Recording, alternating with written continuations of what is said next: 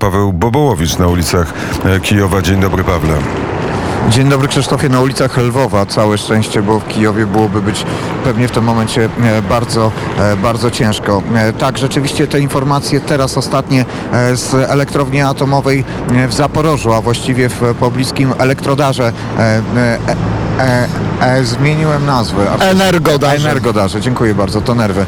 E, Trochę są bardziej uspokajające, bo Ukraińcom udało się e, ugasić pożar. Zostały przepuszczone jednostki e, ratownicze, bo Rosjanie nie tylko strzeliwali elektrownię atomową, ale nie przepuszczali jednostek ratowniczych, E, a prowadząc ogień w, wyraźnie w kierunku elektrowni atomowej, w te miejsca, gdzie były blok, bloki energetyczne, wiedziały, wie- wiedzieli Rosjanie, do czego strzelają. To podkreśla e, strona mm, ukraińska. To nie był przypadkowy ostrzał. Mieliśmy do czynienia e, tej nocy z, ze specjalnym atakiem terrorystycznym rosyjskich wojsk na najpotężniejszą elektrownię atomową mm, na Ukrainie. Jak e, mówi prezydent e, Ukrainy, jej awaria doprowadzi do niewyobrażalnej tragedii, która nie obejmie tylko i wyłącznie terenu, mm, terenu Ukrainy, ale będzie mo- mogła oznaczać konieczność ewakuacji Europy. Tak to określił prezydent e, Ta elektrownia jest e, o wiele potężniejsza niż elektrownia e, w Czarnobylu i jej awaria, ewentualny wybuch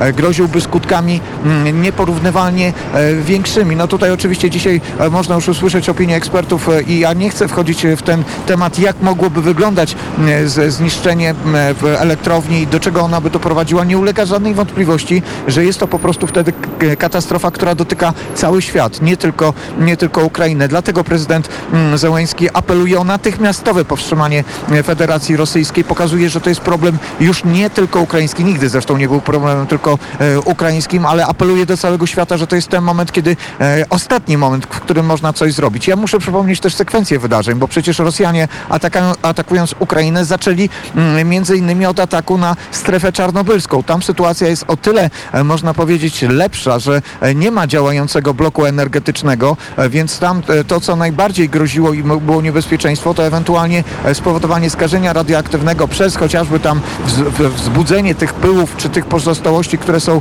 mm, pod e, kopułą ochronną e, tego czwartego bloku, którego awaria była w 1986 e, roku. Tam są w, w Czarnobylu też, też substancje radioaktywne, ale to w ogóle nawet nie ma porównania z tym, co może grozić w momencie, kiedy zostanie zniszczona mm, elektrownia w Energodarze, czyli, czyli energa, elektrownia zaporowska. Ale mm, niestety informacje są jeszcze gorsze, bo przecież to nie jest jedyna elektrownia atomowa e, na Ukrainie. Elektrownia południowo, e, południowa w, w e, czyli ta południowa elektrownia atomowa, elektrownia w Chmielnickim i elektrownia w, w Rówieńska, która jest chyba najbliżej położona też do terenów Polski, do terenów mm, Białorusi. Wszędzie te elektrownie właściwie mogą być zagrożone, każda z nich może być zagrożona, bo działania Federacji Rosyjskiej mają w tym momencie, tak jak określił to e, prezydent Wołodymyr Zełenski, e, absolutnie znamiona terrorystyczne. Putin po prostu sięgnął po metodę, e, której nikt wcześniej nie stosował. Atak na elektrownię mm, atomową. To oczywiście w przypadku, jeżeli doszłoby do takiej katastrofy, zginą nie tylko żołnierze, którzy tam są w, w, w pobliżu, ale zginie ludność cywilna na olbrzymim obszarze. Ja muszę nawiązać tutaj do historii, bo ten teren, gdzie toczą się te walki, to jest teren, w którym mm, w czerwcu 1941 roku sowiecka armia wysadziła tamę na zbiorniku e, na Dnieprze, na, przy elektrowni, wtedy wodnej elektrowni e, na Zaporożu. Wtedy zginęło 20 do 100 tysięcy żo- e, 100 tysięcy osób, w większości cywile i, i żołnierze, ale sowieccy. I to było specjalne wysadzenie tej tamy, więc niestety Putin, który sięga do swoich stalinowskich wzorców, on nie robi tego przypadkowo. To jest też bardzo symboliczne miejsce. On pokazuje, że on jest gotowy to zrobić, bo takie wydarzenie miało już miejsce e, przeszłości. O tyle niebezpieczne to jest też dlatego, że Putin i jego reżim coraz częściej zaznacza, że próbują e, tak naprawdę spowodować to, żeby Ukraina nie mogła mieć broni jądrowej. Ukraińcy cały czas za, informują, że oni na daną chwilę nie chcą mieć takiej broni jądrowej i nawet nie mają możliwości, aby o taką e, broń się starać. Między innymi te ataki na, na, czy na Czernobyl, w którym są właśnie też składywane odpady mm, nuklearne, co jest też bardzo niebezpieczne. Reżim twierdzi, że to jest właśnie odcięcie od e, raz mocy przerobowych, czyli od reaktorów, ale także od e, potencjalnego materiału, z którego taką broń, czy też właściwą, czy też tak zwaną brudną bombę Ukraińcy mogliby stworzyć, więc to jest jeden z też z pretekstów. Przypomnę jeszcze tylko, że Wołodymyr e, Zełański apeluje do świata o zamknięcie nieba nad Ukrainą, czyli ochronę e, ukraińskiego nieba. Zwraca uwagę na to, że ukraińska armia da sobie radę na ziemi, ale żeby powstrzymać ataki rakietowe, żeby powstrzymać najbardziej agresywne działania Federacji Rosyjskiej, w tym momencie powinno być zabezpieczone niebo nad Ukrainą i to jest to, co odciąży ukraińską armię. E, Pawle, e, Pawle, Arturze, Janko na ulice Lwowskie, które słyszymy w tle. Za chwilę wrócimy. Wracamy na ulicę Lwowa. Paweł Bobołowicz, Jan Oleński, Artur Żak. Pawle. Śledzimy cały czas e, wydarzenia w elektrowni atomowej w Zaporożu. Jest już komunikat Państwowej Inspekcji e, Regulacji Atomowej U Ukrainy, e, który potwierdza to, że żołnierze Federacji Rosyjskiej zajęli terytorium elektrowni atomowej w, w Zaporożu. Jest też informacja dotycząca prac, pra, pracy bloków energetycznych. Arturze, ty już wcześniej o tym mówiłeś, że bloki, tylko jeden blok pracuje w pełnym reżimie. Zgadza się, reszta jest odłączanych od systemu. Oczywiście to jest e, proces dosyć długotrwały, tak? E, Nie da się tak po prostu wyłączyć e, bloku energetycznego.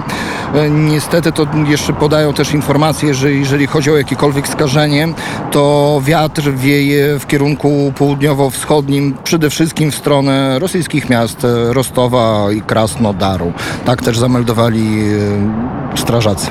Wiadomo, no, że była podjęta akcja gaśnicza, ugaszono te budynki, które nie były budynkami bezpośrednio bloków energetycznych, na które spadły rosyjskie pociski, które, ale wcześniej według tych informacji, które podawała ukraińska strona, e, ta informacja była jednoznaczna. Rosjanie też strzelają w kierunku e, bloków e, energetycznych, ale Arturze zwróciłeś też uwagę na to, że tam jest bardzo dużo po prostu paliwa jądrowego. To, to nie tylko same bloki energetyczne, ale to jest po prostu miejsce, w którym jest przetrzymywane czy gromadzone paliwo jądrowe, też to zużyte, które też jest niebezpieczne. Jak najbardziej, bo nie da się wywozić na bieżąco tego paliwa. One z początku są składowane w takich e, odstojnikach, mówiąc e, brzydko, taką brzydką kalką z języka ro- rosyjskiego czy też ukraińskiego i raz na jakiś czas właśnie transportowane do miejsc składowania stałego. Więc e, faktycznie na daną chwilę meldują, że nie, nie ma skażenia. mm, Promieniowanie, poziom promieniowania jest na poziomie takim, jak jest zawsze, ale prowadzenie działań wojennych na terenie, na, na terenie elektrowni jądrowych no jest co najmniej wątpliwe. E, Wcześniej powiedziałem, że jest to największa elektrownia atomowa na Ukrainie. E, Lech Rustecki e, napisał do mnie i rzeczywiście ta informacja też jest powtarzana. To jest największa elektrownia atomowa na terenie Europy, więc skutki jej awarii można sobie wyobrażać, jak mogą być strasznie, straszne dla, dla całego świata. Zgadza się tutaj, tak naprawdę nie można mówić tylko i wyłącznie o Ukrainie. Ja zgadzam się w 100%, że to jest problem za, dla całego świata. E, Zresztą tak jak wojna na terenie Ukrainy jest problemem nie tylko ukraińskim, a problemem całego cywilizowanego świata. E, Zresztą sądząc e, po reakcjach Chin, e, też Chińczycy widzą na daną chwilę w tym e, swoisty problem. Minister Herman Hałuszenko, minister energetyki Ukrainy, poinformował właśnie to, o czym mówiliśmy, że oprócz sześciu jednostek e, stacja ma e, magazyn wypalonego paliwa jądrowego i jest to około 150 pojemników z paliwem jądrowym.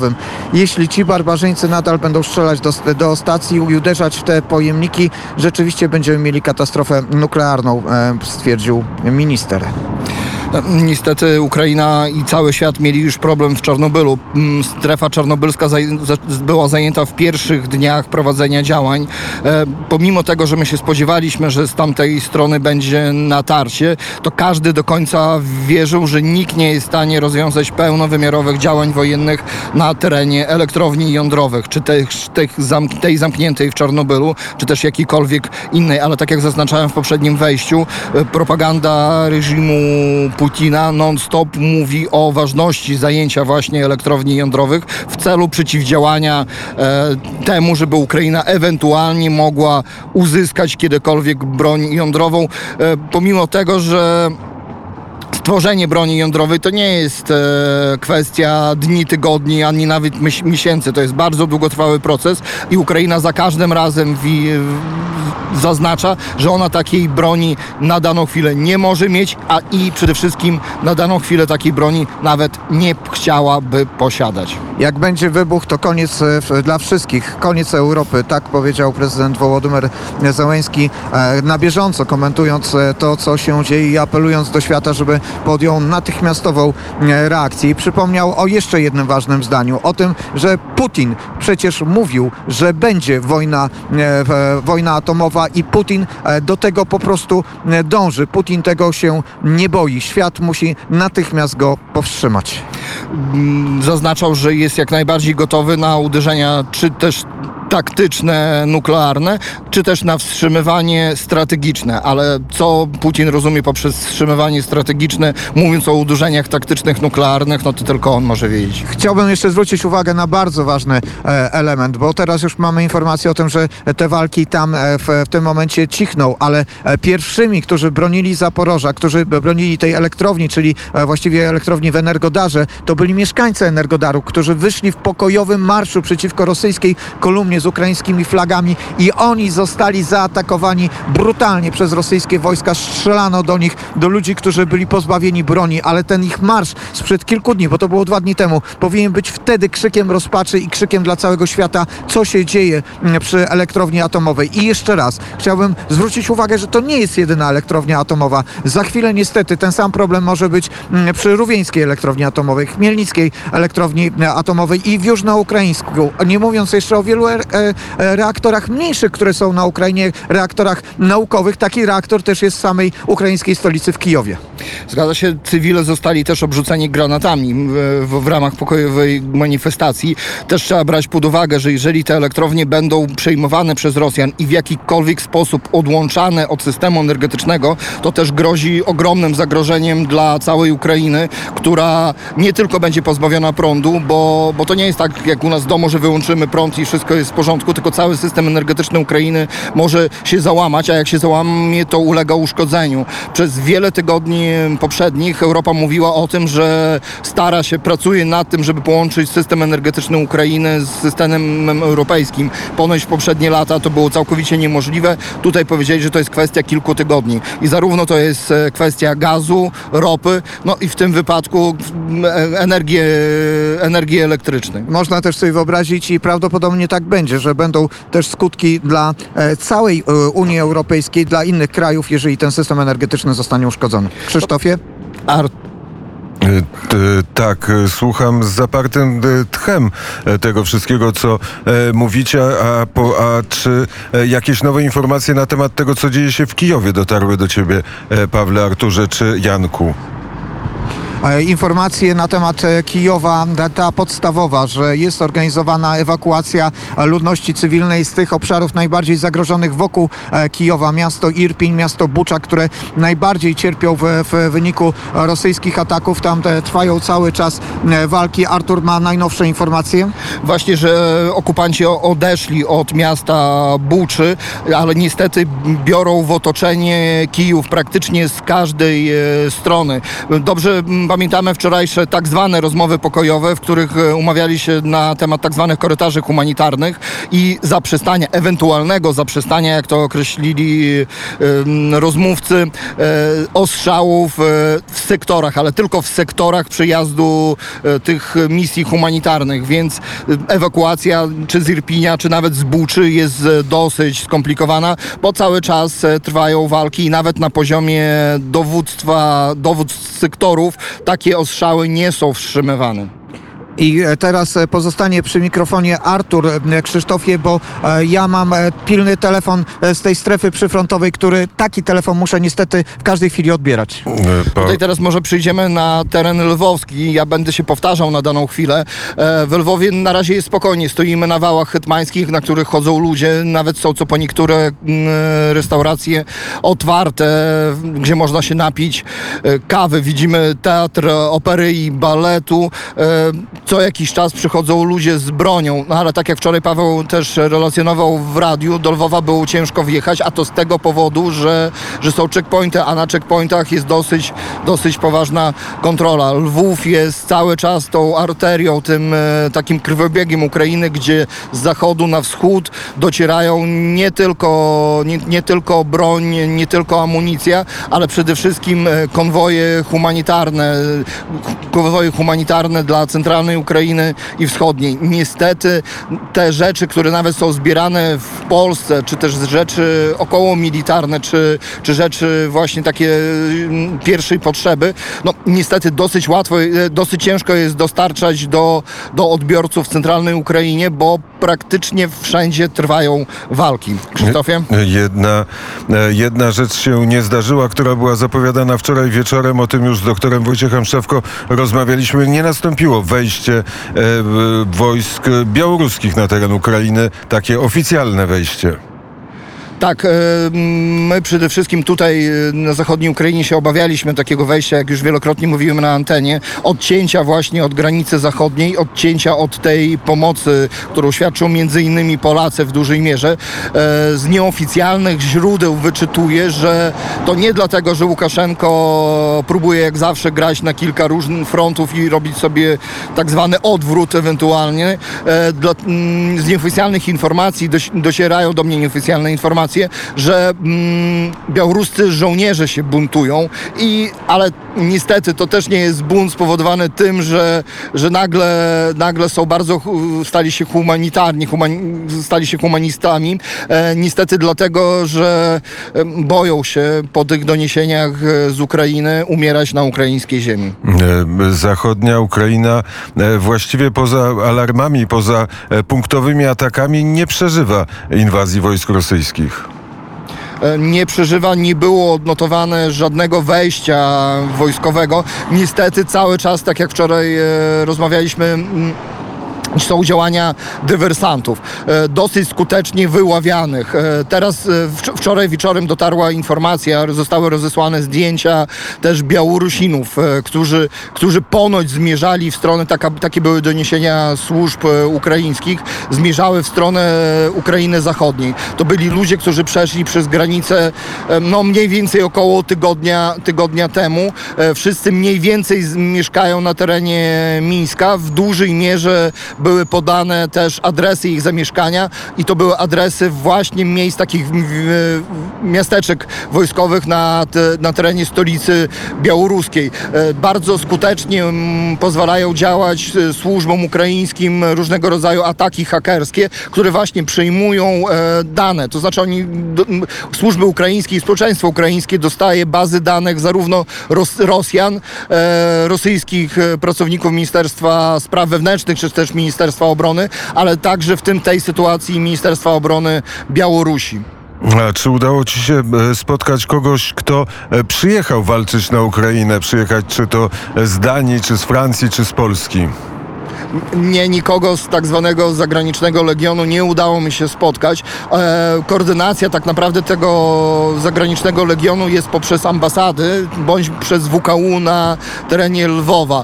E, wiem, że, wiem, wiem, że sporo osób z całej Europy, że teraz chyba 300 Szwedów, jeżeli się nie mylę, bądź przyjechało na Ukrainę, bądź e, właśnie, właśnie jedzie w naszym kierunku. Ale niestety nie spotkałem takich osób. Bo- Może jak się udam do WKU, to może pod WKU, ale wydaje mi się, że jednak bardziej korzystają z usług, a bardziej z, mm, z organizacji ambasad ukraińskich na terenie, na terenie Europy, czy też mam nadzieję świata.